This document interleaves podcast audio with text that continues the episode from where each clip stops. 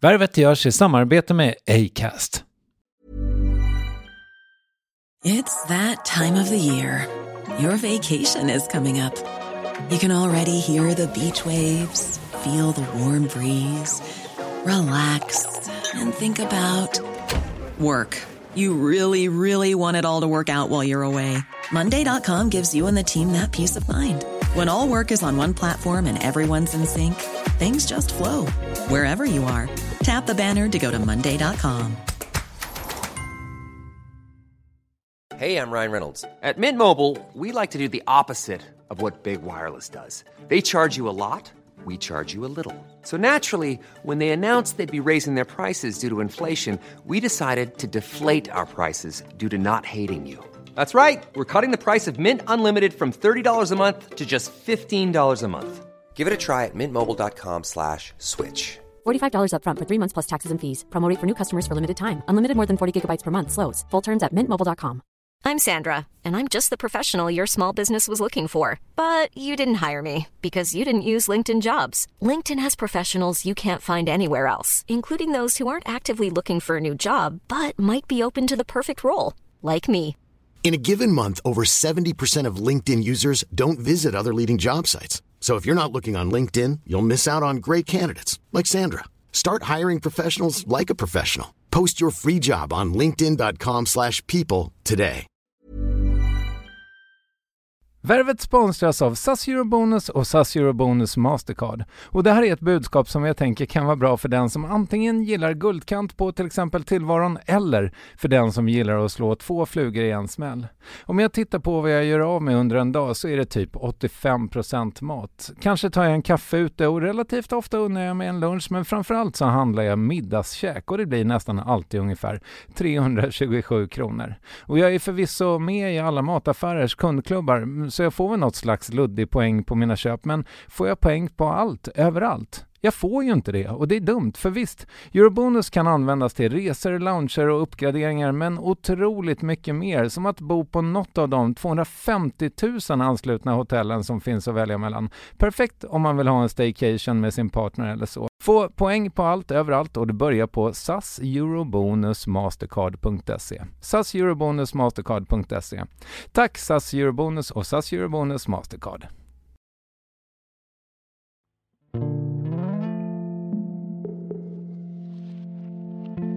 När eh, ett av barnen för första gången sa mamma kom hem. Alltså jag vill att du kommer hem. Och det har de aldrig sagt. Jag kan knappt prata om det utan att jag gått här. Och där är ju en enorm skuld alltså. För det måste de ha tänkt många gånger men inte sagt.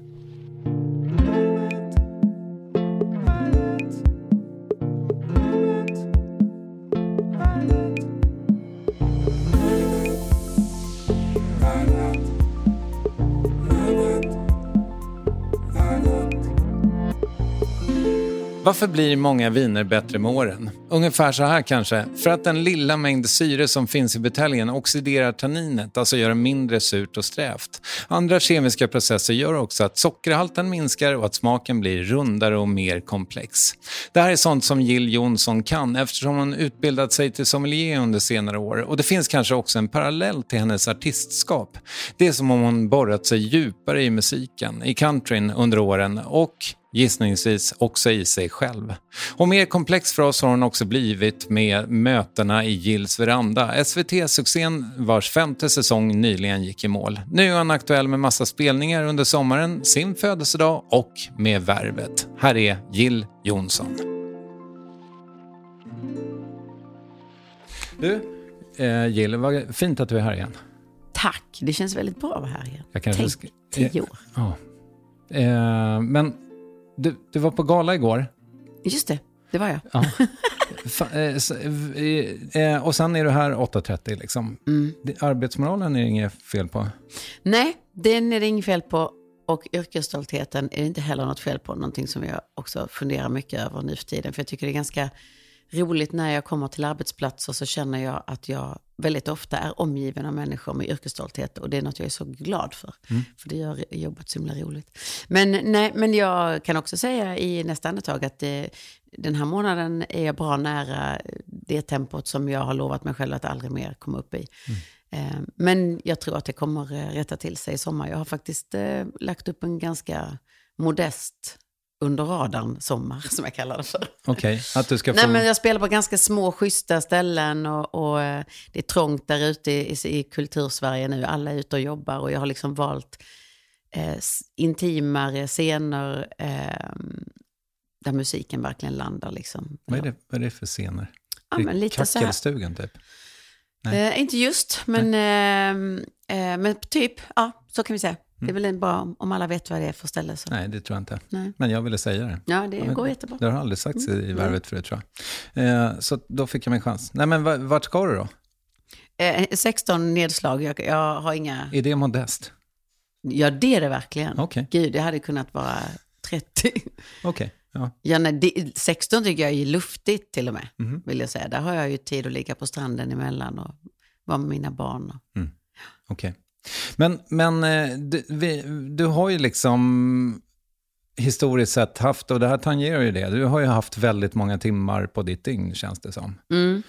Finns det liksom en nota som ska betalas på det? Ja, men det är klart att det finns. Jag, jag tycker att jag ehm, har missat saker såklart. Alltså, du, du kan inte vara på två ställen samtidigt. Ehm, så det finns det väl. Alltså, ska jag sitta och reflektera tillbaka nu eh, på allt som jag har gjort och det tempot jag haft så kanske jag mest tänker på att jag inte minns så himla mycket av det. Och det kan jag känna, var, eh, hoppas någon annan minns att jag var där.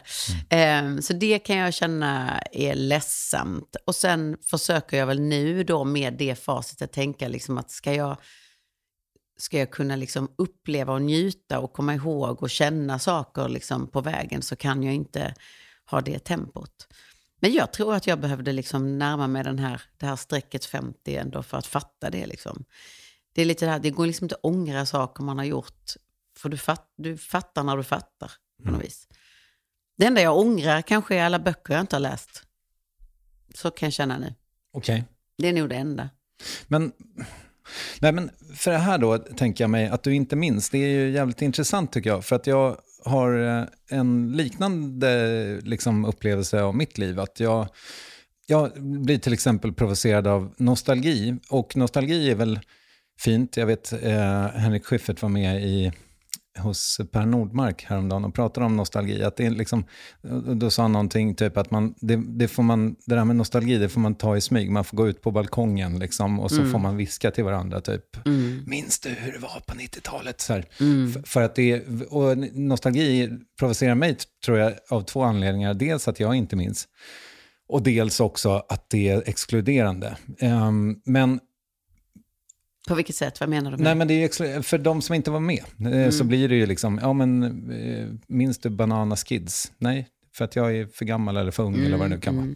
Men ehm, jag tänker mig att när jag har lyssnat i kapp nu på alla intervjuer jag har hittat med dig så, så, så, så slår det mig att det är liksom, jag tror att eh, du har haft så höga stressnivåer så att det finns inte plats för nya intryck så att säga. Eller att, de, liksom, att du bara är här och nu men allting måste bara bockas av. Eller? Mm, ja, men li, lite så är det. Innan pandemin så levde jag också två år framåt.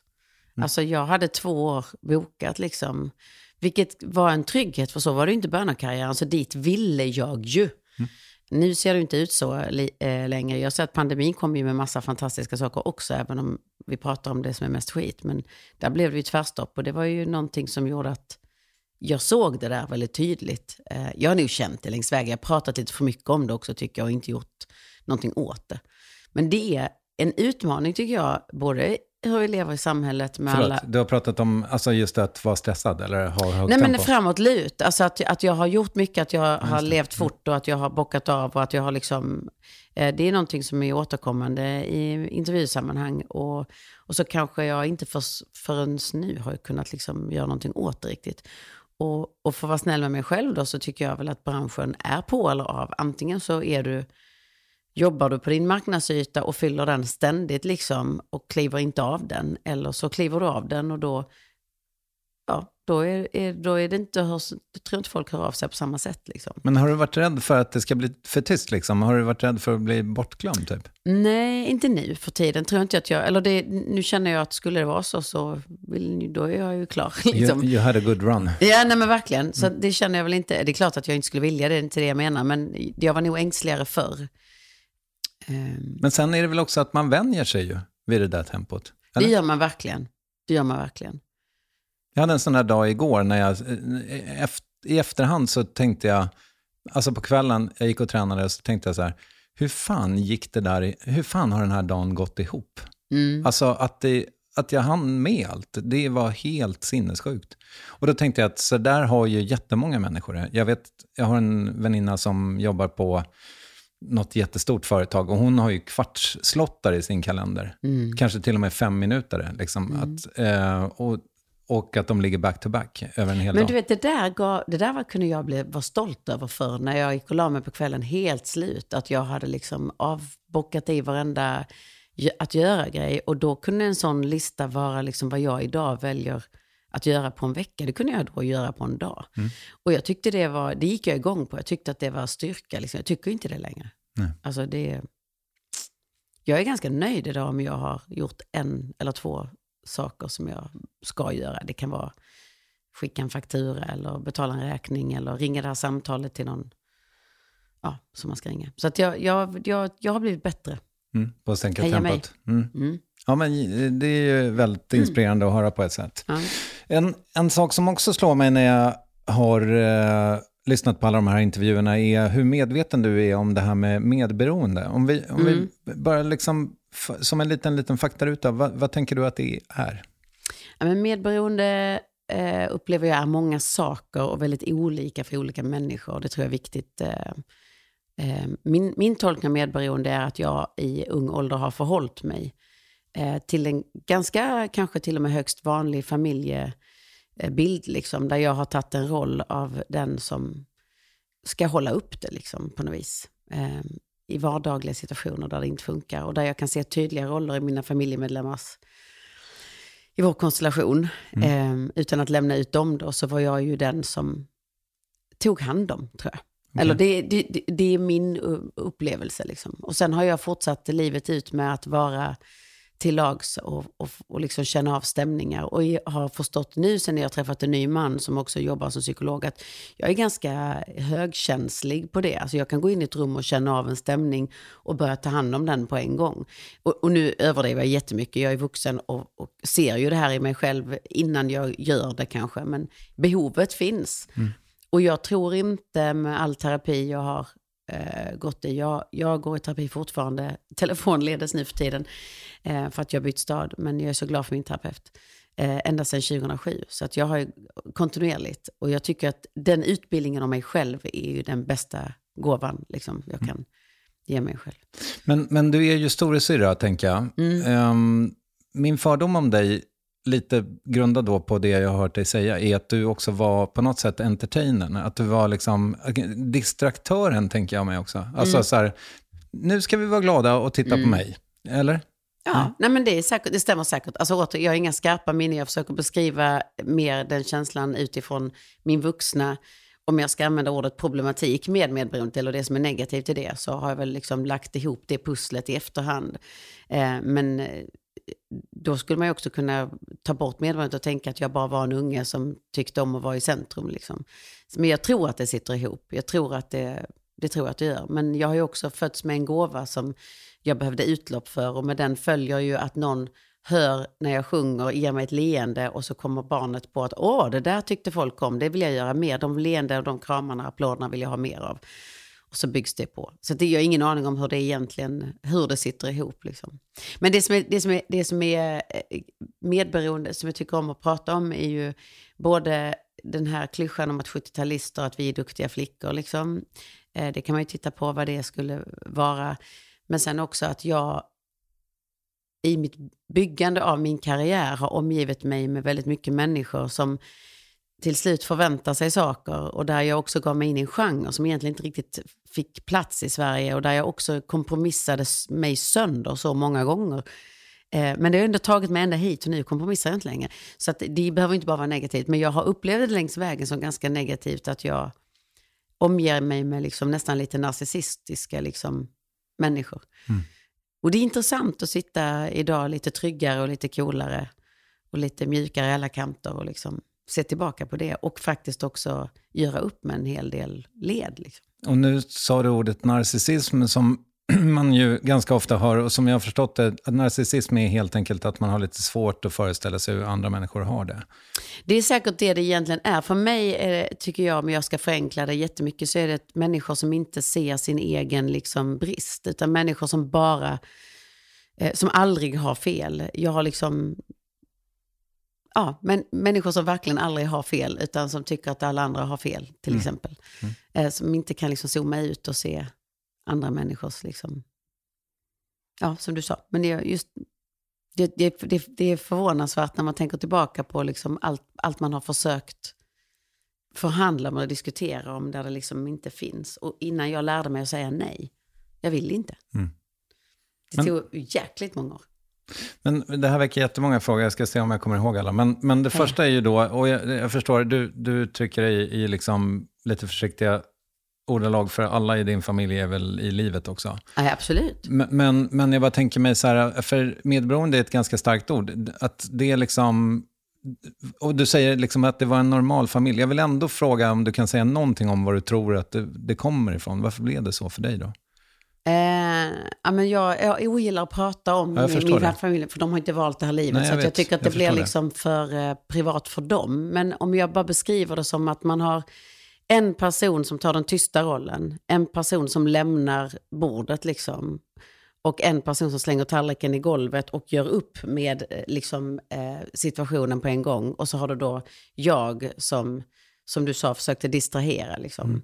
Eh, det tycker jag, när jag säger då en normal bild så hade jag ingen, al- alltså jag hade ingen alkoholiserad förälder, jag hade liksom ingen, alltså inga stora grejer, utan jag, jag upplever det som en ganska normal familjebild, men där liksom en person tar mer plats än någon annan och eh, sätter ett bord i stämning. Liksom. Jag så fattar. uttrycker jag det. Men eh, att bli medveten om det här då, eh, liksom, vad, vad har det givit dig? För att jag menar, om du då kommer in i ett rum och du känner avstämningen direkt och Mm. ser att jag sitter ensam i hörnet och eh, tittar ut genom fönstret och gråter. Va, liksom, är du där nu att du kan skita i mig så att säga? Nej, det är jag inte. Nej. Men det vill jag inte. Eh, jag tycker det är nu idag ser jag bara det som en, en styrka. Förutom möjligtvis i min egen privata relation där det är ett bagage där jag kanske liksom inte alltid gör rätt. Eh, men nu lever jag ju i en, liksom i en, i en ny relation som vuxen kvinna så nu, nu har jag en chans att göra om det göra om det liksom och kanske också säga bara, nej vad fan, nu trampar jag fel igen, det var ju dumt. Mm. Fan, det måste vara skitjobbigt att gräla med en psykolog, eller? Går det? Ja, jag tror inte att, eh, eller jag upplever inte att Mattias, som min eh, blivande man heter, är en person som är psykolog i sin egen relation. Nej. Alltså, jag- det är lite så som skomakarens liksom, går i dåliga skor.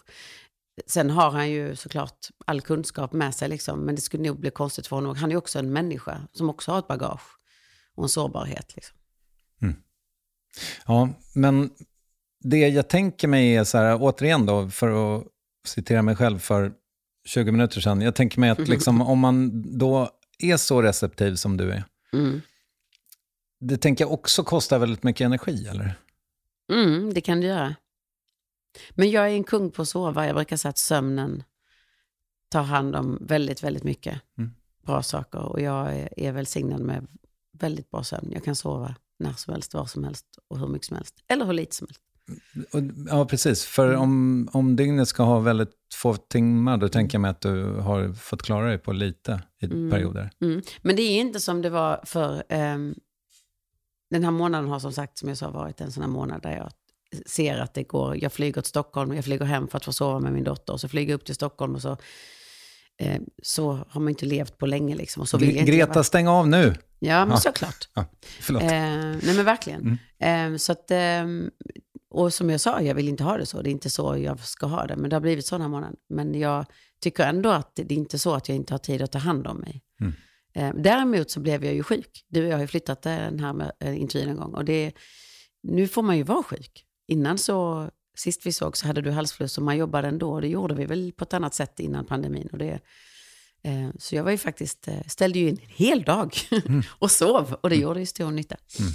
Men eh, är det, för jag menar, du har ju varit i showbiz i 300 år. Eh, har, du, har du en sån eh, läkare som du ringer när du behöver? Ja. Vad är det man Världens får? bästa. Nej men, vad är det för, du menar vad man får eh, för medicin? Ja, exakt. Nej men det är nog högst individuellt. Jag har ju, ehm, nu har jag ju hållit på så länge så att jag vet ju direkt vad jag behöver. Eh, I skarpt läge eh, så skriver man ju ibland ut kortison. Ja, exakt. Och det är ju precis. inte allvarligare än Betapred, men det är ju ingenting man ska ta ofta för då förstör ju du. Det är ju inte bra att ta kortison överhuvudtaget, men det är ju många människor som tar kortison av massa olika anledningar. Jo. Men det är väl det som gör att stämbanden, som oftast är det sista liksom, hoppet när man är sjuk, så är det ju stäm... ah, Om inte jag har stämband så kan jag inte sjunga, men har jag feber och behåller maten så kommer jag jobba om mina stämband funkar.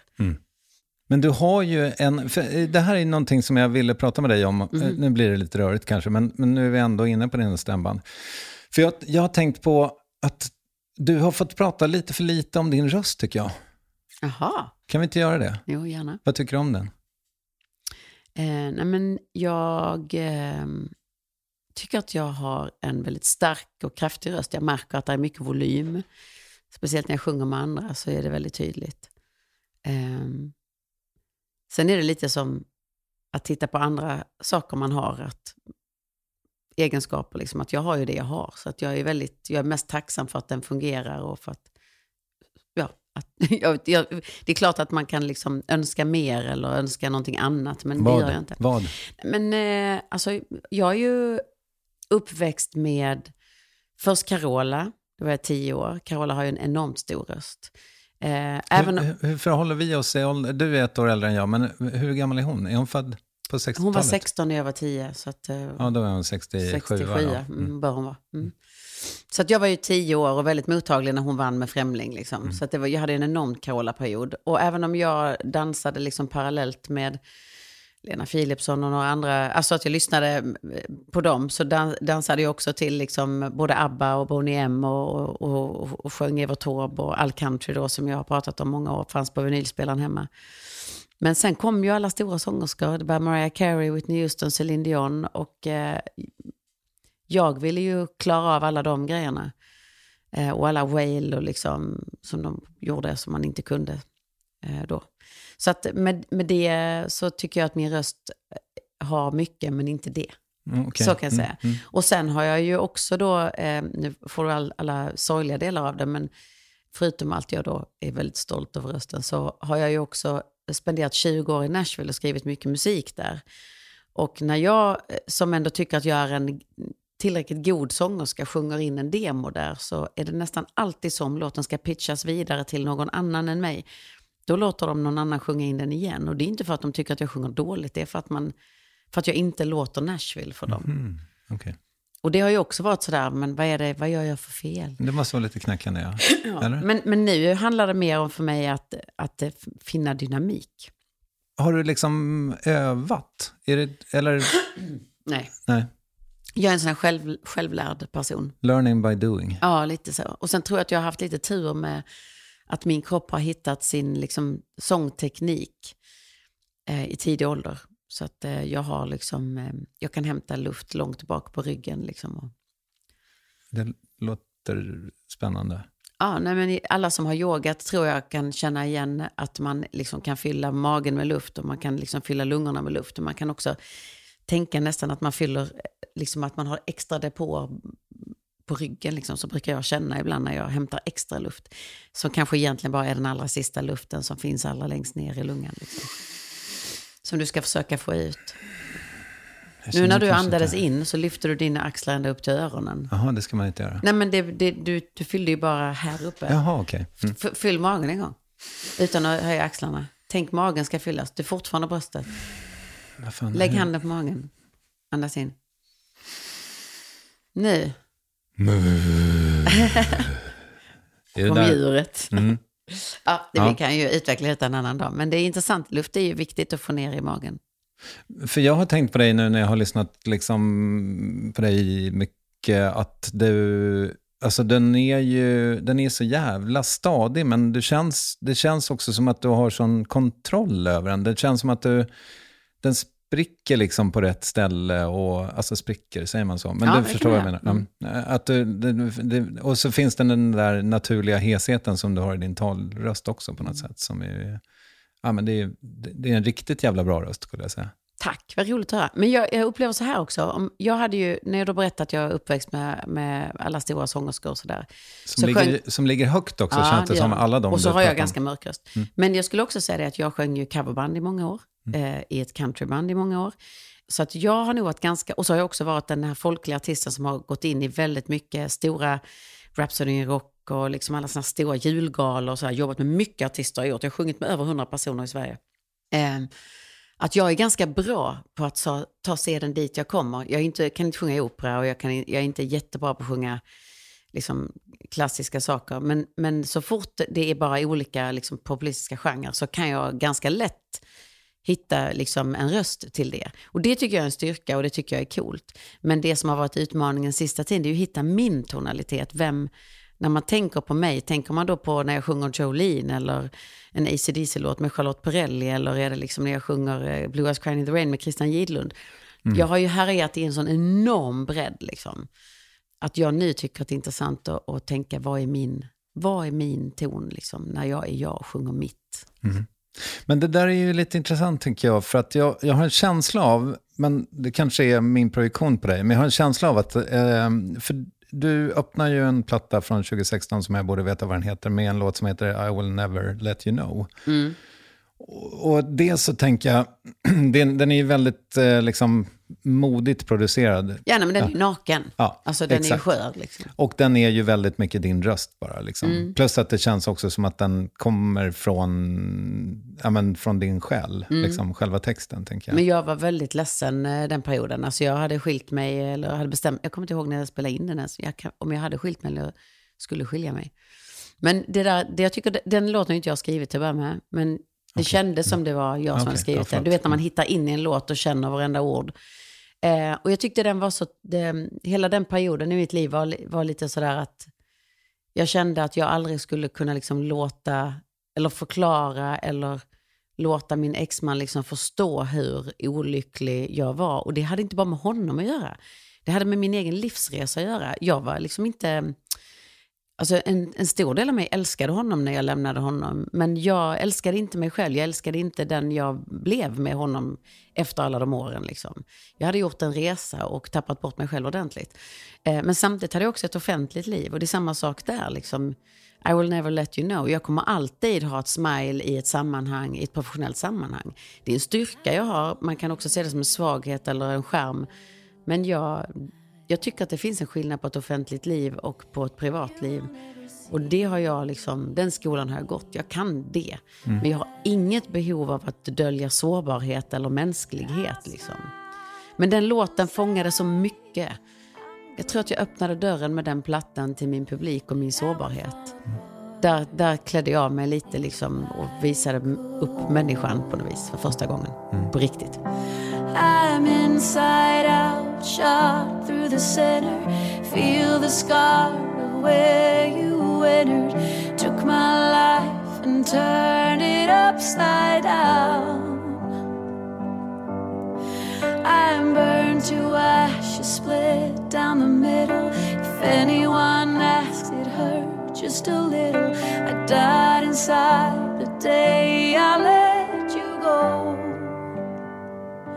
But I don't wanna let you know. Ja, den, är, den är väldigt fin tycker jag. Och det känns eh, så här, men, men jag blev också lite förvånad för det kändes så otroligt mycket som att det var dina ord. Eh, Så jag tänkte att du hade varit... Mm. Nej, det har jag inte. Ehm, och, och sen är det också så att om man lyssnar på den låten så har jag, jag tror inte att jag tar i en enda gång. Jag sjunger bara i ett väldigt sårbart register hela tiden. Och jag har nog alltid haft ett litet behov av att gapa till lite och visa på, "Rrr, här har vi lite styrka och lite register liksom. Men det, har varit, eh, det var också starten på något nytt. Mm. Men, men, men hur är du med, liksom, för att du började, du pratade för en stund sedan om det här med att vara liksom i händerna på andra människor och, Mm. och, och sådär. Har, hur har du varit med producenter genom åren? Har de fått bestämma liksom? Alltså jag har eh, jobbat med väldigt få producenter ska jag säga först och främst. Jag har nästan, jag är lite så med människor, när jag hittar någon som jag tycker om så håller jag ganska hårt och väldigt lojal. Och har också väldigt mycket lojala människor omkring mig. Men jag jobbade, har nästan jobbat uteslutande med en kille i Malmö som heter Amir Ali. Och eh, jag skulle bli så här superrörd om jag började prata med honom, för han är en av de finaste människorna som går på den här jorden. Han är helt otrolig och att producera skivor med honom eller på den tiden han producerade är som att verkligen bli sedd och lyssnad på. Liksom. Han är, nej, jag hoppas att jag får jobba med honom alltid och livet ut. Eh, Hur hittade du honom? Det var, jag vet faktiskt inte om det var Maria Molin, min kollega, som hittade honom. Jag kommer inte ihåg det. Det var 2003, en sån här tid, med Melodifestivals tid. Han, det första han gjorde var Crazy in Love. Och han har också varit så himla duktig på att hålla mig i handen i kompromisserna. Okej. Liksom, När han har behövt trycka ner en låt till tre minuter som egentligen är fyra och ta bort viktiga delar eh, för att radion ska ta i det. Liksom. Eh, eller faktiskt tillgodose den som betalar hans eh, faktura, som kanske i och för sig i slutändan alltid är artisten, men det kanske inte jag fattade riktigt då, så har han alltid lyckats göra alla glada. Liksom. Så att, eh, nej men han um, har jag jobbat mycket. Sen jobbade jag ju också med Nathan Chapman som uh, ligger bakom Taylor Swifts första plattor uh, och som jag lärde känna via Liz Rose som också skrev Taylors första låtar med Taylor. Och, ja, jag var med den tiden när Taylor var 15 år och sprang runt i Liz trädgård. Eh, och han har jag jobbat med och han kanske jag, han fick tog nu mer en producentroll där jag gjorde lite som han sa. Och det hör man på plattan också för jag har ett helt annat sångsätt där. Jag sjunger ganska mycket större och lite mörkare och, än vad jag brukar göra. Och det är så här i The efterhand, Woman I Become heter den plattan. och i efterhand känner du att Att det var en del av min resa bara. Jag, känner, jag värderar inte det som något dåligt eller bra, utan mer bara som eh, den resan där jag lyssnade, där jag inte kanske var riktigt mig själv, utan försökte vara någon annan med hjälp av honom. Liksom. just det. Mm. Men den strävan och längtan att liksom slå ehm, utanför liksom, sin egen tonalitet och sin egen uppbyggnad karriär gör ju, eller har gjort att jag, ska jag säga, eh, har format mig lite längs vägen och provat. Mm, vad händer om jag går dit och vad händer om jag gör så och lyssnar på den? Och det är väl helt normalt. kanske. Men, men var det fanns det någon li- liten förhoppning slash tanke om Amerika för dig då? Då fanns det Ja, det. mm. Eller, eller, så här, jag har ju insett att jag aldrig har jagat det tillräckligt, för det har jag verkligen inte. Jag har alltid åkt hem. Alltså jag, det har jag verkligen gjort. Och på samma sätt som jag har flyttat hem till Ängelholm. Jag, jag gillar det lilla, lagomma. Liksom. Det, är bara, det är bara att erkänna. Så att jag har inte haft rätt hunger för att jaga det. Men jag har också varit väldigt krass och varit i liksom branschen av rätt anledning. Det är ju liksom, jag har inte varit mycket vill ha mer, utan jag har hela tiden fått leva i min dröm och göra allt jag velat göra och ändå fått vara i USA, även om jag inte har slagit där. Så nu vet ju ganska många vem jag är i Nashville till exempel. Så att nu får jag det göttiga utan att behöva bära pressen av att vara någon. Jag får ändå vara där och musicera och det är ju det jag vill. Liksom. Men vad är det du tänker, så här, eh, jag fick känslan av, eller jag har fått känslan flera gånger av precis det här du är inne på. För att jag, tror, jag har också försökt slå i USA. Men det man inser är så här att det tar liksom, det kommer ta tio år och du kommer behöva vara där och du beh- kommer behöva verkligen, du, du, du, kom- man, kom, man kommer behöva åka runt på alla radiostationer. Ja, och sen tror jag också det, det... Och det finns så mycket att säga om en USA-karriär. Först och främst upplever jag att, att södra USA och framförallt countryn är väldigt liksom... Det finns en patriotism. Det finns liksom en... Är du inte amerikan, är du inte riktig countrysångerska. Liksom. Det är svårt, om du tittar idag på kända countryartister så är det väl nästan ingen Keith Urban, australiensare, och så ja, kanske ett par till. Jag kan faktiskt komma på någon mer än han just nu, men det är klart det finns fler. Men jag menar, det finns inte så många som har slagit stort, liksom, som inte är amerikaner. Sen känner jag som du, jag, när jag kom till eh, Nashville första gången, det var 2001. det var väl egentligen första gången som jag klev dit med ens tanken om att kanske, eh, liksom, det var inte därför jag åkte dit, men jag åkte dit för att lära mig skriva musik. Men jag kan tänka mig att det, det ändå fanns i min kropp lite då, någon liten förhoppning och dröm.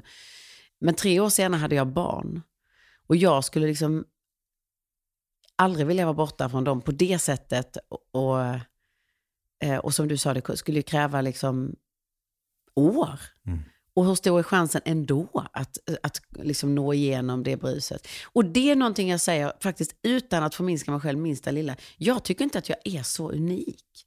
Så att jag tror att världen behöver mig på det sättet. Jag tror att jag är viktig för liksom, vissa människor och där har jag hur mycket som helst att ge. Men jag är liksom inte kanske näst för alla. Och det är helt okej. Mm. Jag är så himla tacksam för vad jag har. Jag tycker att jag har så mycket. Jag tycker jag har levt min dröm så många varv nu så att jag tycker det är svårt att hitta en bucket list liksom. Men du kommer inte ihåg något? Jo, det gör jag, men jag kommer inte ihåg eh, allt liksom. Men eh, vissa, vissa minnen sticker ut, men det, det är sån mängd av saker så att eh, jag kan tycka att det, det, det liksom då det blir ledsamt är när det kommer fram någon människa liksom, på stan och, och hugger en och, och har något fantastiskt fint att berätta liksom, om något möte som de har haft med mig och så, och så finns det inte där så känns det ju jätteledsamt såklart. Mm. Så att, eh, ja. Jag kommer ihåg ganska mycket, men inte allt. Nej, men, men precis. Men jag vet inte, fick jag någon respons på min tanke där om, om att du har varit för stressad för att ta in nytt? Eh, det kanske inte du fick. Jag kommer inte ihåg det. Vi har pratat om så mycket och det har varit så eh, scattered. Men jag... Eh, det är svårt att, att reflektera tillbaka på 30 års karriär och, och tänka eh, på det. Det har ju ändå format mig på något sätt till den jag är. Och jag sitter ändå här eh, och tänker nu att nu vill jag inte ha det så länge. Nu har jag sprungit klart. Nu ska vi... Nu är det dags att liksom njuta. Ehm, av liksom det jag får uppleva. Mm. Och jag tycker barnen är till stor hjälp. Eh, och milstolpe, milstolpe jag fyller 50, milstolpe min äldsta dotter tar studenten. Hon sitter nu och, och får lämna ut henne lite då, men det tror jag hon skulle klara av. Sitter och säger liksom att Gud, jag vill inte att skolan ska ta slut. Och hon har inte alls varit liksom den som har favorit, tyckt att skolan har varit liksom just pluggandet är det bästa hon vet. Eh, inte jag heller för den delen. Jag känner igen mig väldigt mycket i henne, men ändå alltid skött skolan liksom. Men nu börjar hon känna den här liksom sentimentaliteten att hon aldrig mer kommer att gå i gymnasiet och hon lämnar den tiden. Liksom. Och det är ju med de här milstolparna ändå som jag känner att nu, man vill vara närvarande. Man vill uppleva detta nu, för det kommer inte tillbaka. Så den närvaron tycker jag att jag verkligen funderar på. Jag har en dotter som fortfarande faktiskt är ganska ung, hon är 13 och, och att inte missa liksom henne med de här åren som hon har, liksom, Mm. tills hon flyger iväg. Så jag tycker ändå att man får hjälp. Men tycker du, för att jag menar det finns ju en otrolig låt också på ditt senaste liksom vanliga album som bara är ditt. Eh, som handlar om Havanna, liksom, eh, som dessutom är en duett. Och då, då vill man ju bara, liksom, man vill ju också att hon bara ska fortsätta sjunga. För det där Det är så hon. himla roligt. Eller hur? Det var så, det- alltså, det, jag vet att sånt här är alltid så svårt när man ska prata om och berätta hur det gick till. Så kan Ja. folk liksom misstro. Men det här var, ni fattar inte vad spontant det här var. Det var verkligen på väg ner till studion. Hon bara säger i sista minuten, kan inte jag få följa med? Och så följer hon med och sen så sitter vi i bilen och jag övar på låten. Och så säger jag bara, kan inte du sjunga in en vers bara för dig och mig så vi har det? Och sen som jag bara gick i tusen byten. Jag har aldrig hört henne sjunga på det sättet. Hon har aldrig liksom visat på den längtan.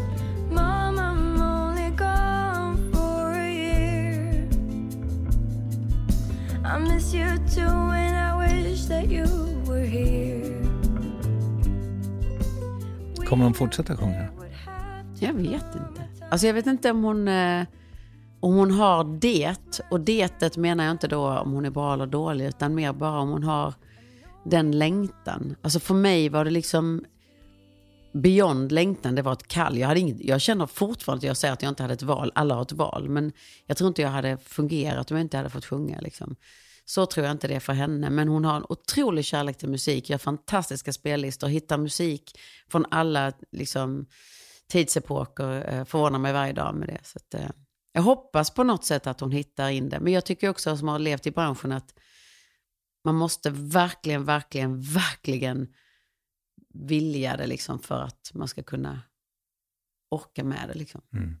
Samtidigt så, jag menar, för mig har ju musiken alltid funnits. Jag började liksom spela in skit när jag var tonåring. Eh, men på ett sätt så är jag så himla glad över att den aldrig har varit en del av mitt yrke. För, för då är den på något sätt oförstörd mm. fortfarande, mm. förstår du? Liksom, mm. Att det blir en ventil där jag liksom kan rensa hjärnan genom att sitta och plinka på något instrument. Liksom. Och med det så känner jag mig genast dum, därför att jag tänker Nej. utifrån min egen Nej. resa som jag har gjort, som har handlat just om att leva på musiken och underhålla. Mm. Man kan göra musik hemma varje dag om man vill och, och liksom...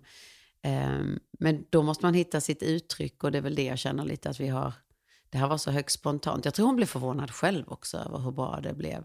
Ja, men, alltså... Och att folk reagerade som hon gjorde. Men sen är ju också samtalet otroligt genuint. Och hon var ju också, liksom, jag fick ju bolla med henne, både med den låten och med resten av plattan. Det var ju en otroligt eh, personligt album, liksom. Mm. Att, att hon skulle vara okej okay med detta. Och det är ju, jag tycker att jag känner en otrolig, eh, utöver den villkorslösa kärleken till eh, mina döttrar såklart, så känner jag en otrolig stolthet över henne och vår relation och mig själv att vi kan göra en sån här platta, eller att jag kan göra en sån här platta om vår relation och att hon kan stå där som en ung människa och vara stolt och inte bara tycka att jag är så pinsam. Jag, tycker, jag beundrar henne för det. Men du kanske måste göra en skiva om Lillsyrran också? Det säger ju alla och det är skit tufft att höra, för det, det har ju, den tanken har jag ju tänkt. Mm. Men för mig är det här åldersrelaterat. Jag vill absolut inte sjunga om min 13-åriga dotter, hon är ju för ung. Jo, men det kommer väl? ja, men kanske, mm. absolut. Det, vi har, det, det, är ju inte något som jag har missat, kan man säga. Nej, jag fattar. Det var jättemånga som eh, reagerade så. Och det, sen kan man ju också säga att den här plattan är ju inte bara till Havanna, det är till alla döttrar och söner och föräldrar liksom, mm. i, i den separationen som man sällan pratar om, tycker jag. Mm. Men jag tänker mig också att den på sätt och vis har, alltså nu är ju min son då, jag hade missuppfattat åldern på din lilla, jag trodde att hon var lite äldre, men min son är 14. Mm. Men det är också, jag tänker mig att du touchar någonting där eh, i den skivan som ju många av oss tror jag funderar på, och det är ju liksom, eller jag kanske läser in för mycket, men jag tänker mig att du är så här, har jag gett dig tillräckligt mycket tid? Mm. Um, och det finns ju någonstans en, en, en liten touch av dåligt samvete kan jag känna att när jag då, ofta när, när vi ses liksom efter skolan. På morgonen är jag jättedär, men då är inte han där. Då vill jag han bara hålla på med mm. liksom, sin skärm och, mm. och helst slippa prata. Liksom. Och sen när han kommer hem från skolan, då är jag som en liten trasa bara. Jag orkar liksom inte. Sen pratar vi givetvis kring middag och så. Men, mm. men eh, jag, jag hade, när jag var, eh, nu, nu vill jag svara på två, så det vill säga två saker. Ja. Först och främst vill jag prata om en låt, men innan jag gör det så kommer jag ihåg när jag var, när barnen var som liksom mest behov av mig i min stress så vet jag att de var med mig överallt. Det, är ju fördelen jag har i mitt jobb, att jag kan ta med dem. Så där tror jag ändå att jag var närvarande, förutom uppladdning inför gig. Det har vi pratat om nu när de är stora, att de känner av när jag går in i, det, i den stämningen. Och det känns jättefint att vi kan prata om det och att jag kan säga att jag är så ledsen för att inte jag fattade det själv. Liksom. Och, och nu kan de uttrycka det. Ja, nu, nu märker jag att du är på väg till jobbet nu. Och då går de undan. Liksom. Hur, Men, hur länge laddar du? Nej, men det är bara, nu pratar vi bara några, kanske en halvtimme eller ah, en okay. timme innan. Det mm. handlar om smink och hår, att jag kan bli så här, nu får ni gå ut ur badrummet för nu måste jag... Det blir mer tonen att den blir liksom irriterad eller... Och det är ju en slags förberedelse som jag ibland inte har varit medveten om. Men när, när de var små och jag var hemma och jag kände att jag sprang runt i cirklar i hemmet, då gjorde jag bokstavligt så att jag satte mig ner på golvet för, för, att jag skulle komma ner, och då kommer ju barn. Sätter man sig på ett golv så kommer barn. Det gör de faktiskt även i vuxen ålder, har jag märkt att eh, man kan experimentera med. Det är väldigt intressant. Men, men eh, tillbaka till plattan så skrev jag ju en låt som heter I will make it up to you. Och det var ju för att jag skulle resa till USA, detta är nyss, alltså för två år sedan. När eh, ett av barnen för första gången sa, mamma kom hem. Alltså jag vill att du kommer hem. Och det har de aldrig sagt, jag kan knappt prata om det utan att börja gråta. Mm. Och där är ju en enorm skuld alltså. Mm. För det måste de ha tänkt många gånger, men inte sagt. Mm. Men då är man ju där. Jag menar, vi pratade lite om det när vi bryggde kaffe. Vad är Mm. alternativet? Nej, men det är, där är inget alternativ om, om jag ska funka. Det finns ju ett alternativ då. Då fanns det ett alternativ att åka hem. Men det är ju... Gjorde du det då? Nej, det gjorde jag inte för att Mm. jag skulle hem tre dagar senare. Men det var liksom, alltså jag kom ju hem ändå, det hade tagit typ, jag hade kunnat åka en dag tidigare med tanke på USA. Men det är ju liksom, det är ju, det kommer alltid vara starkt. Att eh, välja sig själv och sitt yrke liksom före barnen. Sen har jag alltid känt att jag har varit otroligt närvarande. Mina barn har alltid fått ringa mig alla tider på dygnet och jag har aldrig varit avstängd. Och, och det tror jag att de känner liksom. Och framförallt finns ju samtalet. Men det är, jag har ändå den här känslan att jag vill gottgöra dem. Liksom. Mm. Och det gör jag genom att använda ordet nej. Alltså att, till mitt jobb. Alltså tacka nej och, och välja att vara någon annanstans än att jobba. Men, och det privilegiet har du kanske någonstans jobbat ihop till? Liksom. Det kanske inte... Ja. Alltså, ja. Det är inte alla som har den möjligheten att välja det. Men, men är det för tidigt för dig? Liksom, jag menar, har, har du tyckt att det varit lätt att vara mamma? Eh, oj, svarar jag ja på den frågan så, så trampar jag ju snett och, och svarar jag nej så är det inte heller riktigt sant. För jag tycker inte... Jag tycker inte att det är svårt att älska och jag tycker någonstans att vara mamma eller förälder handlar ju bara om att älska och, och liksom finnas där på något vis. Eh, I det stora penseldraget.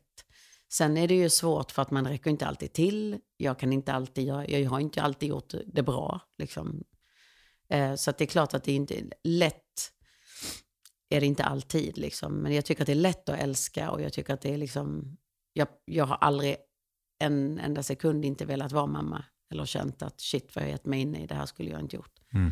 Utan jag är väldigt tacksam och, eh, och har, är väldigt stolt över liksom, den närheten vi har ändå. Jag tänker mig, min... min Vad eh, tycker du?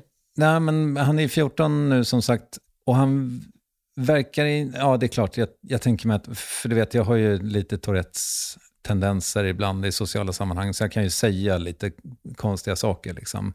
Men förutom det så tror jag att han... det verkar inte som att han...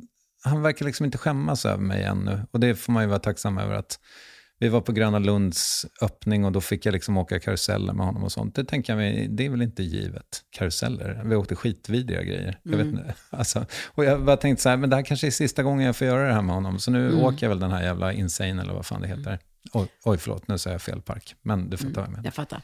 Det, jag läste, eller du vet hur man blir bombad med massa Instagram-grejer som man inte följer. Jag, jag, jag helt plötsligt dök upp en äldre herre som sa i ett klipp Ja, just det, den där. med succé, att succé är när ens vuxna barn vill umgås med en.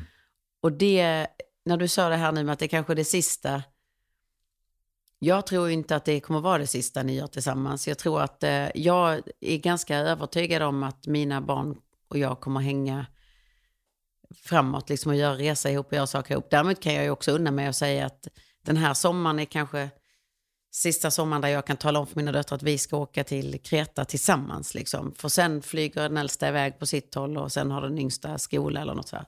Så att det finns ju milstolpar man kan hitta i det här sista gången och sådär. Men eh, det är väl lite det jag menar med att vara att älska sina barn och, och vara eh, rolig för sina barn. Det är ju, försöker kanske alla vara, men jag hoppas att det ska hålla i sig. Jag upplever att det vi är, jag är själv uppväxt så har jag alltid fått vara med och alltid liksom kommit tillbaka på något vis.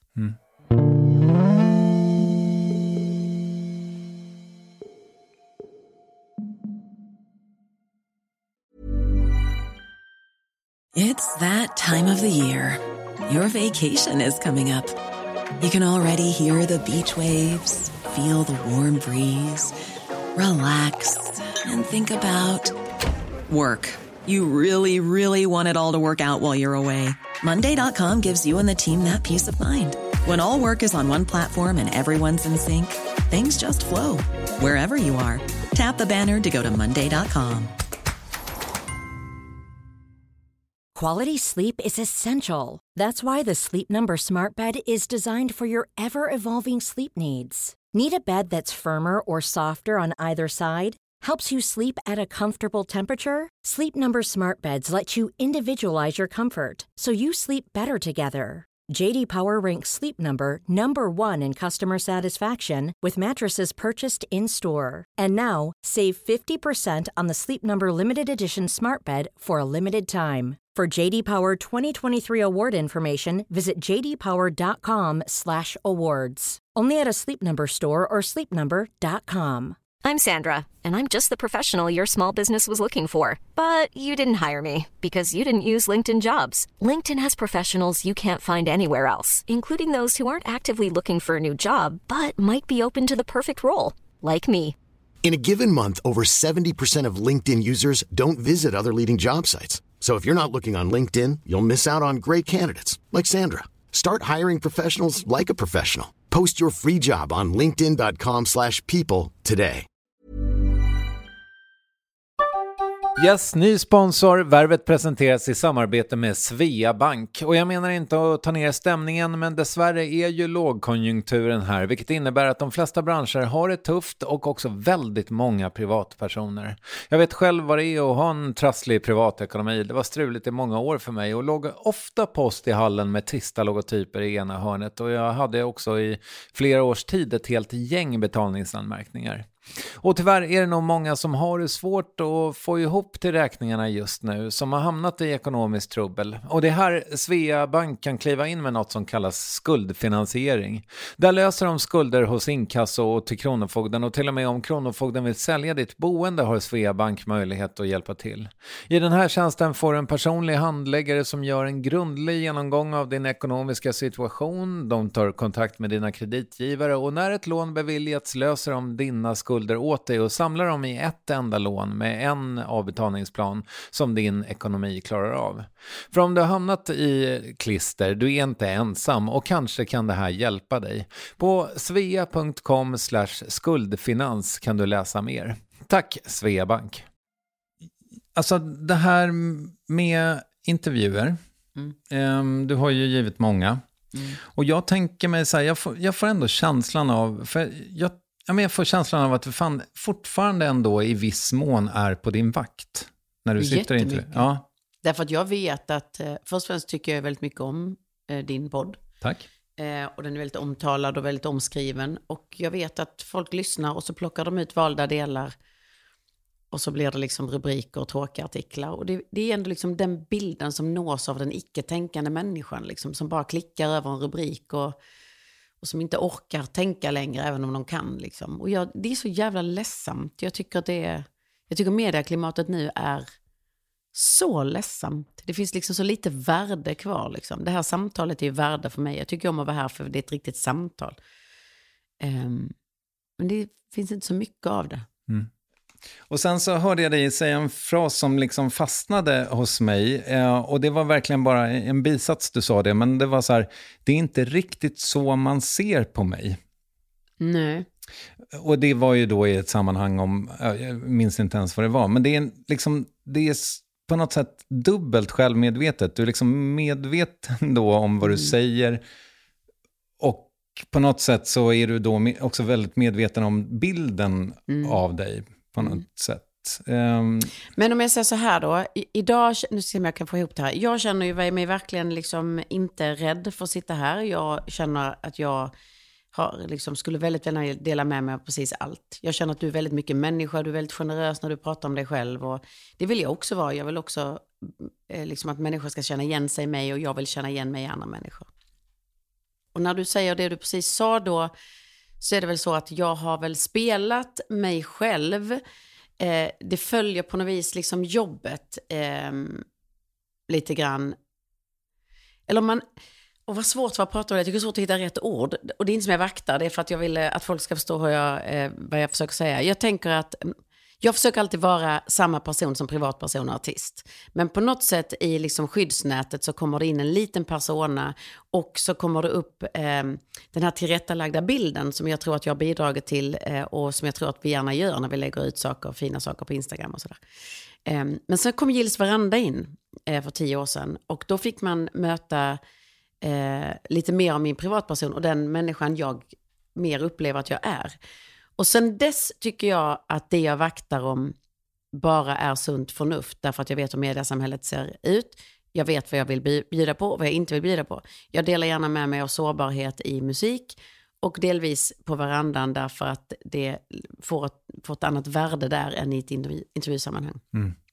Och sen Gills Vanda upplever jag nu att folk mer har förstått vem jag är som person. Eh, jag vet inte vilket sammanhang det där kommer i, så jag vet inte riktigt vad det är för... Inte jag heller. Jag Nej, så jag inte vet ihåg. inte riktigt vad jag... eh, Och därför blir det lite orättvist att prata om det som att jag har en dubbel vakt, därför det kanske bara var i det sammanhanget. Men, men eller så har jag det, jag vet inte. Jo, men jag, jag, jag, jag hade inte ställt frågan eh, om det inte hade varit så att jag tänkte att det vittnade om någonting. Och jag tänker mig att det i stort handlar om någonting annat som jag tror är en stor del av dig, eller har varit. Och det är ju det här med kontrollbehov som vi har varit lite inne på. Liksom. Men jag har ett kontrollbehov fortfarande. Jag tror jag kommer ha det resten av mitt liv. Mm. Jag tycker att en del av kontrollbehovet är ledsamt, för jag släpper inte ut håret och blir hämningslös. Eh, liksom, eh, vilket jag ibland längtar efter att göra. Och bara ja, men säga, säga någonting galet och, och, och skratta åt det dagen efter istället för att ha ångest. Liksom. Igår till exempel tappade jag texten så det såg ut som att Nike eh, Selma tappade texten, fast det var jag som tappade texten. Eh, och det, det är en sån här sak som kan hända. Och det har hänt många gånger i en karriär, men det händer inte mig så ofta. Det är något som jag ändå ligger och, liksom och gnager på kvällen sen, liksom, lite grann. Det kan vara lite svårt att släppa. Liksom. Eh, och det kontrollbehovet är ju larvigt liksom, efter 30 år på scen. Det får man ju liksom, sånt kan ju hända. Liksom. Mm. Men, och, och det där hänger faktiskt, för eh, jag, jag tänker mig, eh, ja men dels så tänker jag mig att det har ju eh, gagnat dig. Du har lämnat väldigt lite åt slumpen då, om, man, om, man, om du har ett starkt kontrollbehov. Eller? Mm. På vilket sätt tänker du att det har gagnat mig? För jag tycker nämligen en del av kontrollbehovet också är en professionalism. Att jag, vill liksom, jag tycker också det är eh, en ambition. Mm. Alltså att vet, ha koll på läget. Liksom. Jo, men det är väl att inte slarva, och då Mm. gagnar det väl dig. Mm. Om Jo, du jag- gör ett mm. bättre jobb. Jag avbröt, jag ställde frågan och sen svarade jag. Ja. Nej, men det var, för det var ju dit jag ville komma. Liksom, att, jag menar, eh, människor som har ett kon- starkt kontrollbehov, de, jag tänker mig att det är liksom någon slags intermittent, nu använder jag ett svårt eh, ord, men jag tänker mig att det, emellanåt så får man faktiskt eh, vatten på sin kvarn. Jo, men det var tur att jag kollade två gånger så att Mm. kaffebryggan var av, för att nu var den faktiskt inte av.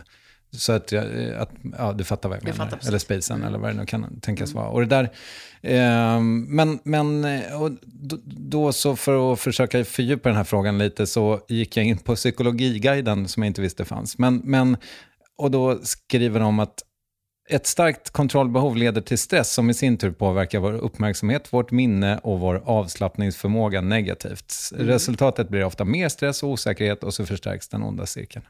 Och vi, Wow. vi var ju lite på det här, men mm. Ja, du vill att jag ska kommentera det. Ja, nej, men vad ska jag säga? Det är ju, alltså, jag utgår från att det finns en vetenskap bakom det där. Eh, och då är det säkert så. Och då är det ju det svårt att veta vilka stressnivåer. Eh, jag har ju fått höra i hela min karriär och hela mitt liv att jag eh, stressar mycket och vänner och bekanta har sagt jag fattar inte hur du pallar och jag hade aldrig orkat och sådär. Liksom. Men eh, sen när jag gick in i förklimakteriet så, vilket jag också, by the way, upplever att kvinnor inte pratar tillräckligt mycket om. För det kommer, alltid, det kommer från nästan alla som en chock. Och, eh, då kände jag ju direkt att någonting var fel med min kropp. Liksom. Uteblivna menstruationer som jag aldrig haft minsta lilla liksom, problem med. Och då var ju alla direkt, du, det är stressnivåerna, det är binjurarna och det var liksom... Brr. Och under alla kontroller jag har gjort i mitt liv, jag har liksom aldrig haft några fysiska liksom, problem. Men Eh, och jag kan också säga att när man går in i förklimakteriet så blir också minnet en, en diskussion som jag tror många kvinnor kommer känna igen sig i. aha, Det är en Okej. jättestor del av det att korttidsminnet blir annorlunda. Liksom. wow. Men ehm, ehm, jag skulle säga det att jag tycker det är ganska logiskt att om man ska vara överallt och kolla allt och ehm, fylla i minsta lilla liksom crack, det är klart att då finns det ju inte plats. Liksom. Det var lite, nu går jag tillbaka till det här enkla exemplet om att springa fort. Är, är man överallt så, så är det svårt att titta, liksom, uppleva överallt liksom, noga. Men, men, Så det låter logiskt. ja, och, men sen tänker mig också att nu sa du för en stund sedan också att du är omgiven av människor som tar sitt stort, jobb på stort allvar. Ja. Eh, Har du liksom med åren då blivit duktigare på att se det och la- slappna av och, och, nju- eh, och, Verkligen, och framför och allt... lita på andra? Ja, och framför allt så är jag, tycker jag själv bra på att låta folk göra det de är bra på och jag behöver inte göra allt. Liksom. Jag, jag gör det jag är bra på och sen lämnar jag över. Eh, och det blir också roligare för då blir man ju så många att dela på det roliga sen. Liksom. Då blir det inte så ensamt. Jo, nu kom jag på vad du eh, sa den här lilla frasen som fastnade. Och det var i ett eh, radioprogram som du gjorde med Anna Ternheim för några år sedan. Då valde du också en låt som handlade om ensamhet och vi behöver inte prata om den per se. Men har du känt dig ensam mycket i livet? Men eh, jag tror att jag har kommit till någon form av insikt att vi alla måste lära, alltså simma själv. Eh, som Anna Diaz så fint har, uh, sjunger en låt om, tror jag. Om jag inte säger fel, jag hoppas inte det. Um, jag har inte tyckt om att vara ensam. Jag har alltid liksom, alla mina turnébluesar har i princip tillbringats hos en bästa kompis i Mjöshult som är konstnär där jag har suttit och tittat på när hon har målat tavlor för att slippa vara själv. Um, numera så tycker jag om att vara själv. Vilket jag är glad för. Jag tycker om mitt eget sällskap. Jag kan liksom se fram emot det. Uh, men det är ganska ensamt att vara artist, tycker jag. Mm. Alltså jag tycker att det är ganska ensamt. Eh, jag tycker till exempel om att, när jag pratar om Gills och andra, säger att jag är, jag får ju liksom beröm för allt. Som om jag har kommit på allt och letat upp alla de här människorna. Vi är ju 19 personer som jobbar med Gills Varanda. Och nu när det har varit så otroligt fint mottagande av det så är det så kul att jag kan dela det med 19 personer. För det är ganska tråkigt att sitta själv och klappa sig själv på ryggen och säga gud vad bra du är. Liksom. Så det... Jo, ibland tycker jag att det är ensamt. Det tycker jag. Det, men jag försöker inte bli så rädd för det. För det är, det är någonting som jag upplever att vi alla kommer landa i på något sätt i livet någon gång. Att, att, ehm, att bara jag kan känna det jag känner nu. Liksom. Jag kan förklara det, men det är ändå jag som känner det. Det är jag som upplever det. Där gäller det ju att hitta sin, liksom, hålla sig själv i handen lite. Men sen tänker jag mig att yrkesmässigt, visst, eh, verandan som är liksom en stor produktion, men sen också med liksom när du är ute och spelar, även om det är en trio numera, så finns det ju ändå folk omkring Men dig. gud liksom. ja, jag har ju de mest underbara...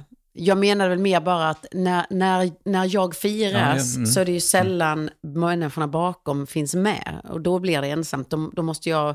Då är det viktigt att mitt jobb finns där, liksom, så att jag, alltså att jag har gjort jobbet med dem, så de känner i alla fall, så jag har någon att fira med. Och samma sak när det blåser och det är, liksom är, är dåligt, så är det också väldigt ensamt.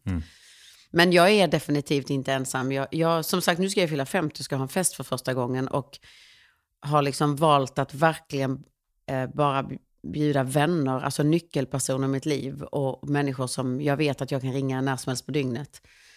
Och när man tittar på en, en sån eh, grupp människor så känner jag mig otroligt eh, rik och tacksam och mjuk.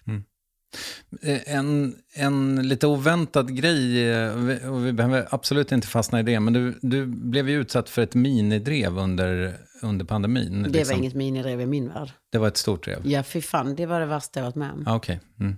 Och jag, jag är så arg fortfarande så jag knappt kan prata om det. För att jag blev liksom dömd som en girig person. Som i motsatsen hade sökt ett bidrag för människor som inte fick söka bidrag. Och jag upplevde hela den perioden som så himla orättvis.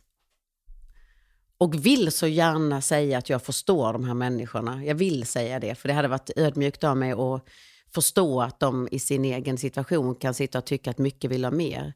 Men jag tog så illa vid mig för att jag, man blir inte bara en bidragstagare helt plötsligt. Jag har liksom, nästan jag och, och otroligt många kollegor med mig har aldrig vabbat och aldrig sjukskrivit sig. Aldrig, alltså vi, vi passar liksom inte in i systemen. Liksom. Vi har alltid, eh, det är så många som har liksom klarat sig själva, försörjt varandra så många gånger. Så att när, vi, när musiken helt plötsligt inte hade något värde och branschen knappt fanns och eh, jag fick bajspapper hemskickat i brevlådan och liksom för 50 000 som inte täckte någonting eller kunde hjälpa alls vad vi ville hjälpa. Liksom. Och sen, så, så det var helt orimligt allting. Och sen vet inte jag, det kanske är så att det är helt rimligt att en person som jag ska leva i två år på mitt pensionsspar, som jag egentligen ska ha när jag är pensionär, det kanske är rimligt, det kanske folk tycker. Men det är liksom, det rimmar inte med allt slit och allt man har liksom byggt upp under 30 år, att det ska försvinna på två år. Liksom. Mm. Och så var det många som hade det, många som fick sälja sina hem. Och, så och det är ju så livet ser ut för alla människor. I alla, alltså, jag förstår det, men det blev väl en väldigt liksom, orimlig diskussion. Och jag valde faktiskt då att bara stänga av. Jag, jag skrev, när, jag, när, jag, när jag blev uthängd så skrev jag bara att ni kan skämmas, ni är aningslösa. Det är liksom... Man kan, inte göra, man kan inte bara hata en människa från en dag till en annan.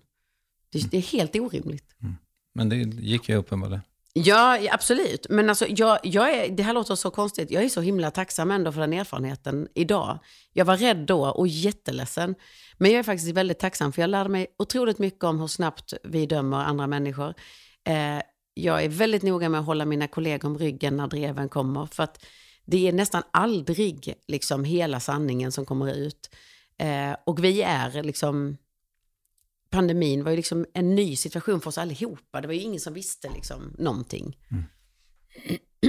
Så att eh, jag har mycket större förståelse för hur folk tänker, eh, liksom medias kraft och eh, eh, också synen på musik. Jag vet inte vad du tycker, men jag menar Spotify kom in och liksom förstörde otroligt mycket längtan efter importerad musik och eh, liksom, eh, ekonomiska delar för musiker. Eh, sen är det ju, eh, vill jag ändå säga att det är fantastiskt att ha hela världens musik i en liten telefon. Det är ju coolt liksom. Men våra unga människor nu växer upp med antingen att deras föräldrar har världens musik i, i på ett konto eller betalar 99 spänn för all musik. Det är helt, liksom, det säger sig självt att det är värdet liksom för skapandet finns ju inte med i den ekvationen. Alternativet var väl i och för sig, eh, kändes det som där och då, någon slags helt oreglerad piratmarknad. Liksom. Eh, Ja, ja, nej, men Det, det, och it's all bad. Jag bara menar Mm. att vi gick från att betala i alla fall 100 kronor per album till att betala 100 kronor för alla världens album. Jo. Och det är ju, fattar ju vem som helst att den ekvationen är knasig. Men då, och, men, och då ska man väl också ta i beaktande att du ändå kan tjäna pengar på dina gig och sådär. Många tänker jag mig, alltså framförallt är det väl, jag, jag, jag kan inte riktigt det här, men det är väl också de, alltså låtskrivare, deras... Det är de jag pratar om. Ja, det är Det deras... är de jag pratar Jag pratar inte om mina pengar. Nej. Eh, Verkligen. Jag har aldrig sålt så mycket eh, skivor i hela min karriär så att jag kunnat leva på det. Så att det är inte alls det jag pratar Jag pratar om värdet av musik. Mm. Skapandet liksom och, och alla leden som finns bakom. Visst. Mm. Men eh, min Konsten. anledningen till att jag tog upp drevet var ju just kring ensamheten. Kände du dig ensam där? Eller hade du någon att hålla dig i? Liksom? Mark Levengood ringde direkt. Eh, Marit Bergman hörde av sig. Det var de två som hörde av sig.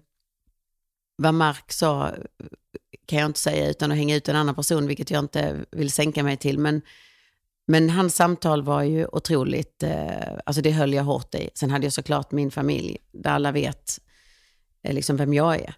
Eh, och det, man ska också säga att jag har inte gjort någonting fel. Alltså, pla- punkt liksom. Utan det var mer folks bild av att de drog iväg och antog saker. Liksom. Ehm, så att, men jag kände mig inte ensam, men hotad. Alltså orättvist behandlad liksom. Jag ägde inte min historia. Och valde liksom i, väldigt stolt att liksom inte ens berätta hur, liksom, var pengarna gick. Utan det var liksom, man utgick från att jag stoppade dem i egen ficka. Och det, jag blev så förbannad på det. Jag tyckte det var så jävla vidrigt. Mm. Vart gick pengarna? Till musiker. Alltså vi gjorde ju massa jobb för att musiker skulle liksom få pengar. Det gick ju inte att söka, alltså musiker kunde inte söka bidragen. Mm.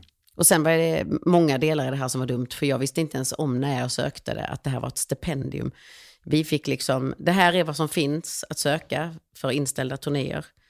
Eh, sök. Mm. Så att jag, det var inte så att jag hade tänkt efter och kollat upp någonting. Liksom. Mm. Ja, fan. Men det låter ju liksom, även om du tycker att du har lärt dig någonting då, så låter det ju ändå, det låter fan traumatiskt. Ja, på, på sätt och vis, eh, ja, men det kan jag väl säga att det var. Det, var ju liksom, det kommer följa mig, det är ingenting jag kommer lägga bakom mig någon gång, det tror jag inte. Alltså, det kommer ju alltid vara med mig liksom. Ehm, men det kommer väl å andra sidan hela pandemin vara. Och jag menar, ehm, det fanns ju folk som gick bort liksom. Så att man kan ju sätta det här i relation till andra saker. Jag kommer ju aldrig glömma mitt drev. Eh, fan, det var inte en rolig vecka. Alltså. Det, det, det jobbigaste tycker jag, det var för att jag intervjuade Jimmy Åkesson. Och jag gjorde det på ett lite slarvigt sätt måste jag säga så här efterhand. Jag borde ha varit eh, mycket mer påläst. Men jag tänkte att jag, ja, men jag möter väl honom som alla andra gäster. Det, var, det var naivt.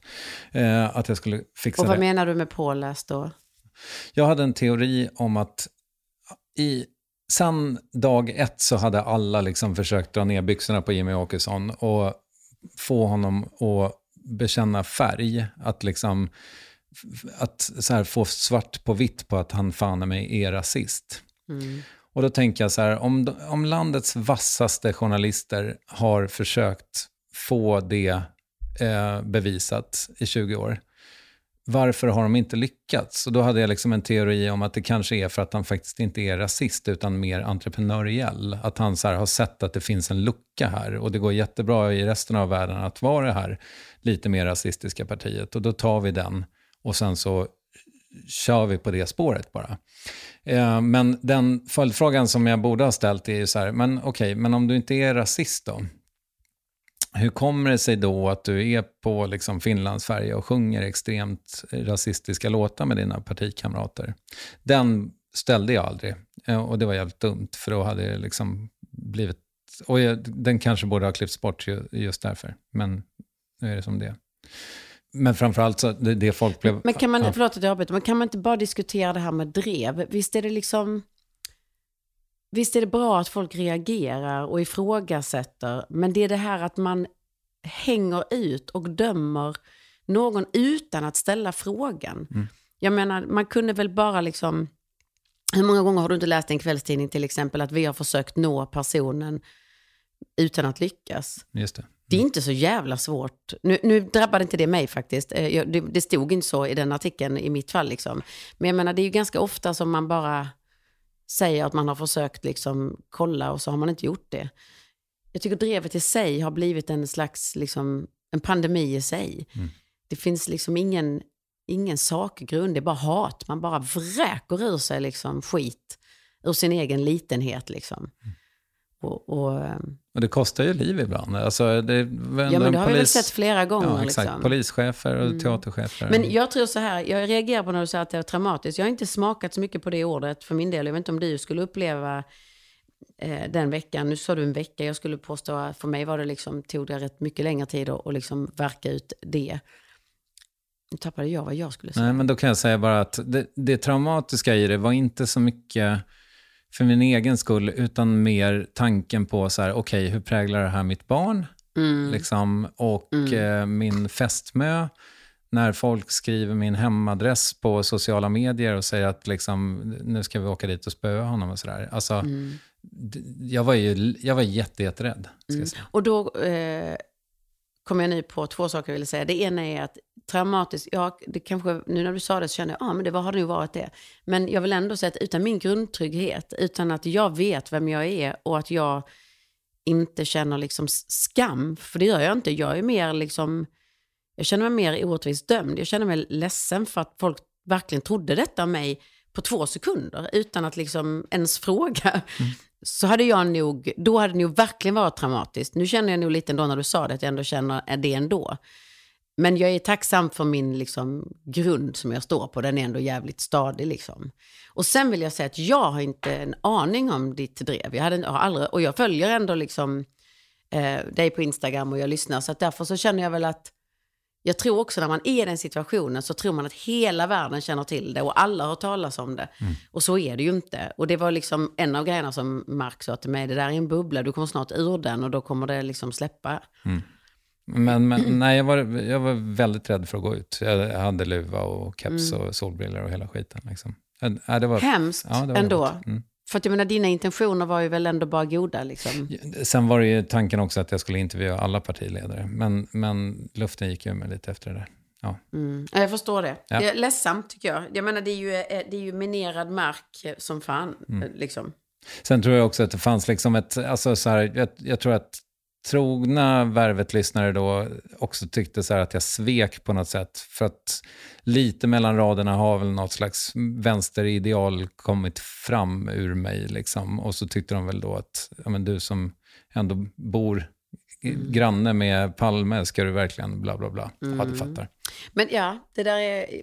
Ja, ska inte, vi ska inte ge oss in på politik, eh, tycker jag, för det är så...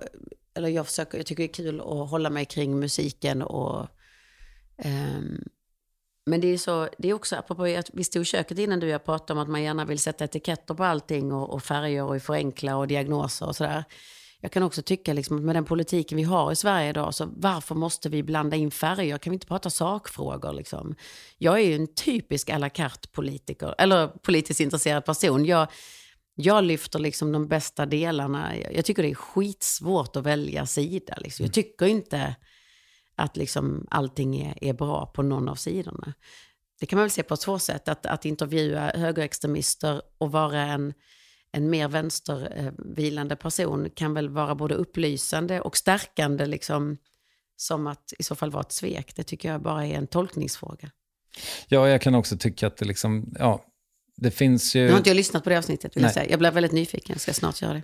Men det, men det finns ju också liksom, eh, ja, jag vet inte, man kan prata mycket om Sverige och liksom hur, å, åsiktskorridorer och så vidare. Så här. Men, men ja, jag vet inte. Men visst är klimat, det är väl det jag var inne på från början med drevet. Alltså visst är klimatet, det är liksom, det är också svårt att prata om saker och ting när, när man möts av hat direkt. Det finns liksom ingen, det finns ingen stig att vandra innan målet, utan det är bara pang på liksom. Du är dum i huvudet, du fattar ingenting. Ja, men är du inte intresserad av att höra hur jag tänker och resonerar? Eller, och kanske på den vägen när du frågar kan du säga, men har du tänkt så här? Nej, fasen det har jag inte gjort. Ett samtal liksom, där det finns en respekt för varandra, där man kan lära varandra saker. Liksom. Visst. Men du, jag tänker mig så här, det som är så härligt tycker jag med dig nu när jag har, det, det, det pratas mycket i intervjuer nu om, att, om din stundade födelsedag och du var, du var inne på den själv för en stund sedan. Så här. Det känns som att du så himla mycket är vän med åldrandet. Har du erövrat det eller har du, liksom, har du alltid haft den där naturliga liksom, nyfikenheten på vad som kommer? Ehm, nej men eh, jag märker hur 5.0 liksom, eller 50 är en ålder som man ska ha, känna mycket kring. Liksom. Det märks. Eh, eller så är det för att det är ett enkelt sätt att förhålla sig till en nyhet eller till någonting, jag vet inte.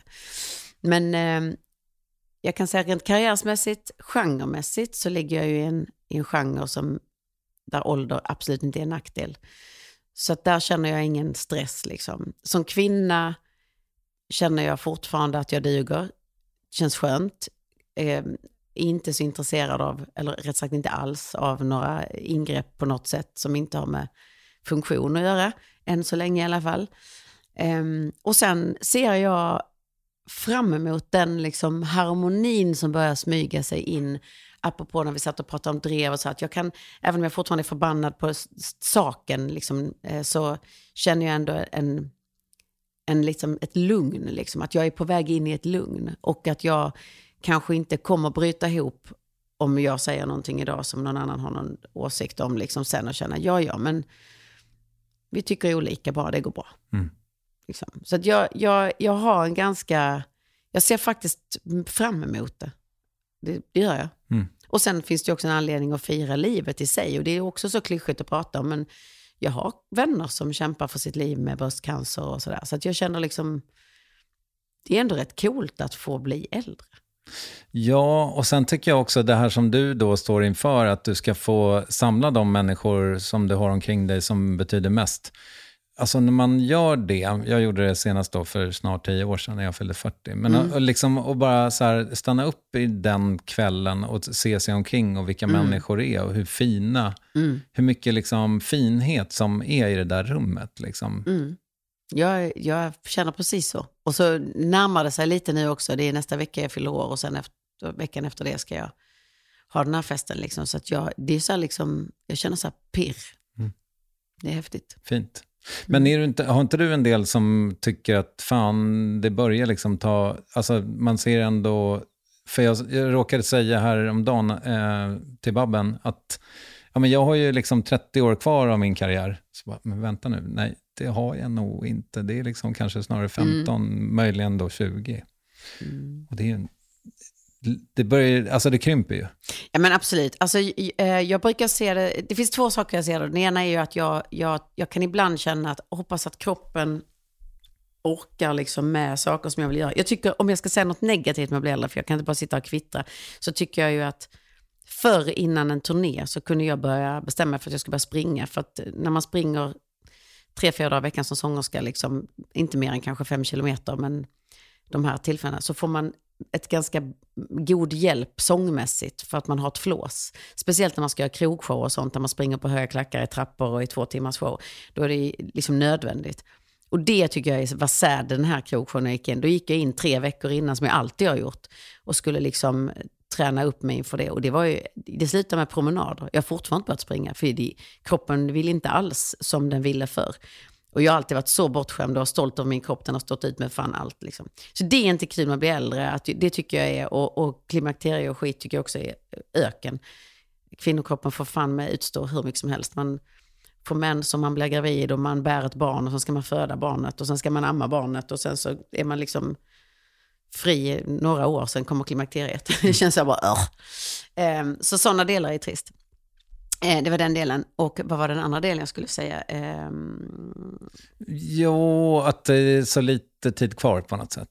Ja, och den andra grejen som är liksom sådär, som en liten, liten ångest, det är att den, den dödsångest jag bär på, eller den som gör att jag tittar på tid, är att min liksom enda rädsla, sann rädsla, är att mina barn inte ska hinna bli vuxna innan jag försvinner. Det är också en sån här grej eh, som jag tänker på. Och att när min yngsta dotter liksom kanske skaffar barn och sådär, hur länge får man vara med? Liksom, för att jag börjar så himla sent. Ja, det var ju ett deppigt sätt att eh, avrunda det. Men eh, eh, annars så tycker jag nog ändå att eh, det är mest skönt faktiskt. Ja, men det, det har ju... Eh, det, det känns som att det går åt rätt håll, va? På det stora hela, med allt. Eller? Ja, men jag, jag tycker nu det faktiskt. Jag, jag tycker att jag, eh, jag kan inte be om mer. Mm. När, när ska du göra en eh, egen skiva nästa gång? Nej, men jag tror att jag ska sätta mig och skriva i höst. Jag, det, det här är också en sån här grej. Konst, man vill ju liksom att det ska komma över en bara. Man vill inte planera in. Men det hör jag rätt mycket kollegor som säger bara det är skitsnack. Man måste planera in och man måste börja skriva, då kommer det. Jag har inte jobbat riktigt så, men jag tror att jag ska sätta mig i höst och, och skriva. Jag tycker det blir svårare och svårare. Men det är också för att jag har, nu har jag börjat skriva musik själv och det har inte jag gjort genom åren. Och nu, jag längtar liksom in i den bubblan. När jag skrev Havanna-plattan så var jag inne i en bubbla. Det var helt underbart. Och jag vaknade på morgonen och bara ville börja direkt. Liksom. Det är den underbaraste känslan. Så det är liksom dit man vill. Och sen tycker jag att jag har skrivit mina separationsplattor. Liksom. Jag är klar med det ämnet. Och nu har jag skrivit dem. Jag, jag vill gärna skriva där jag står. Liksom. Och det, jag är lite så här, vad ska det vara? Mm, men ditt, eh, ditt eh, det andra varvet på något sätt kanske? Mm. Kanske. När gifter ni er då? Nästa år hoppas jag. Det är planen. Du, fan lycka till med det. Grattis i förskott och tack så hemskt mycket för att du tog dig tid igen. Tack snälla.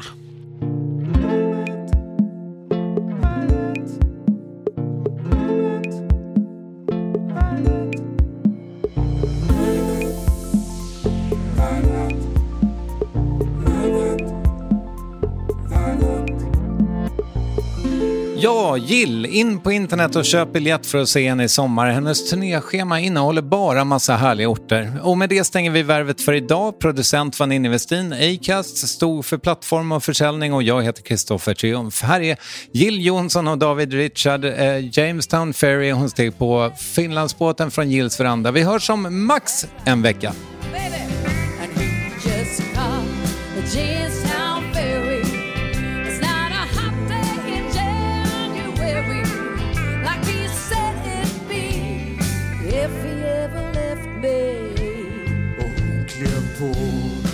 Finlandsbåten och hon får hem till sitt Karelen. Där stod jag och kamrat i blåsten.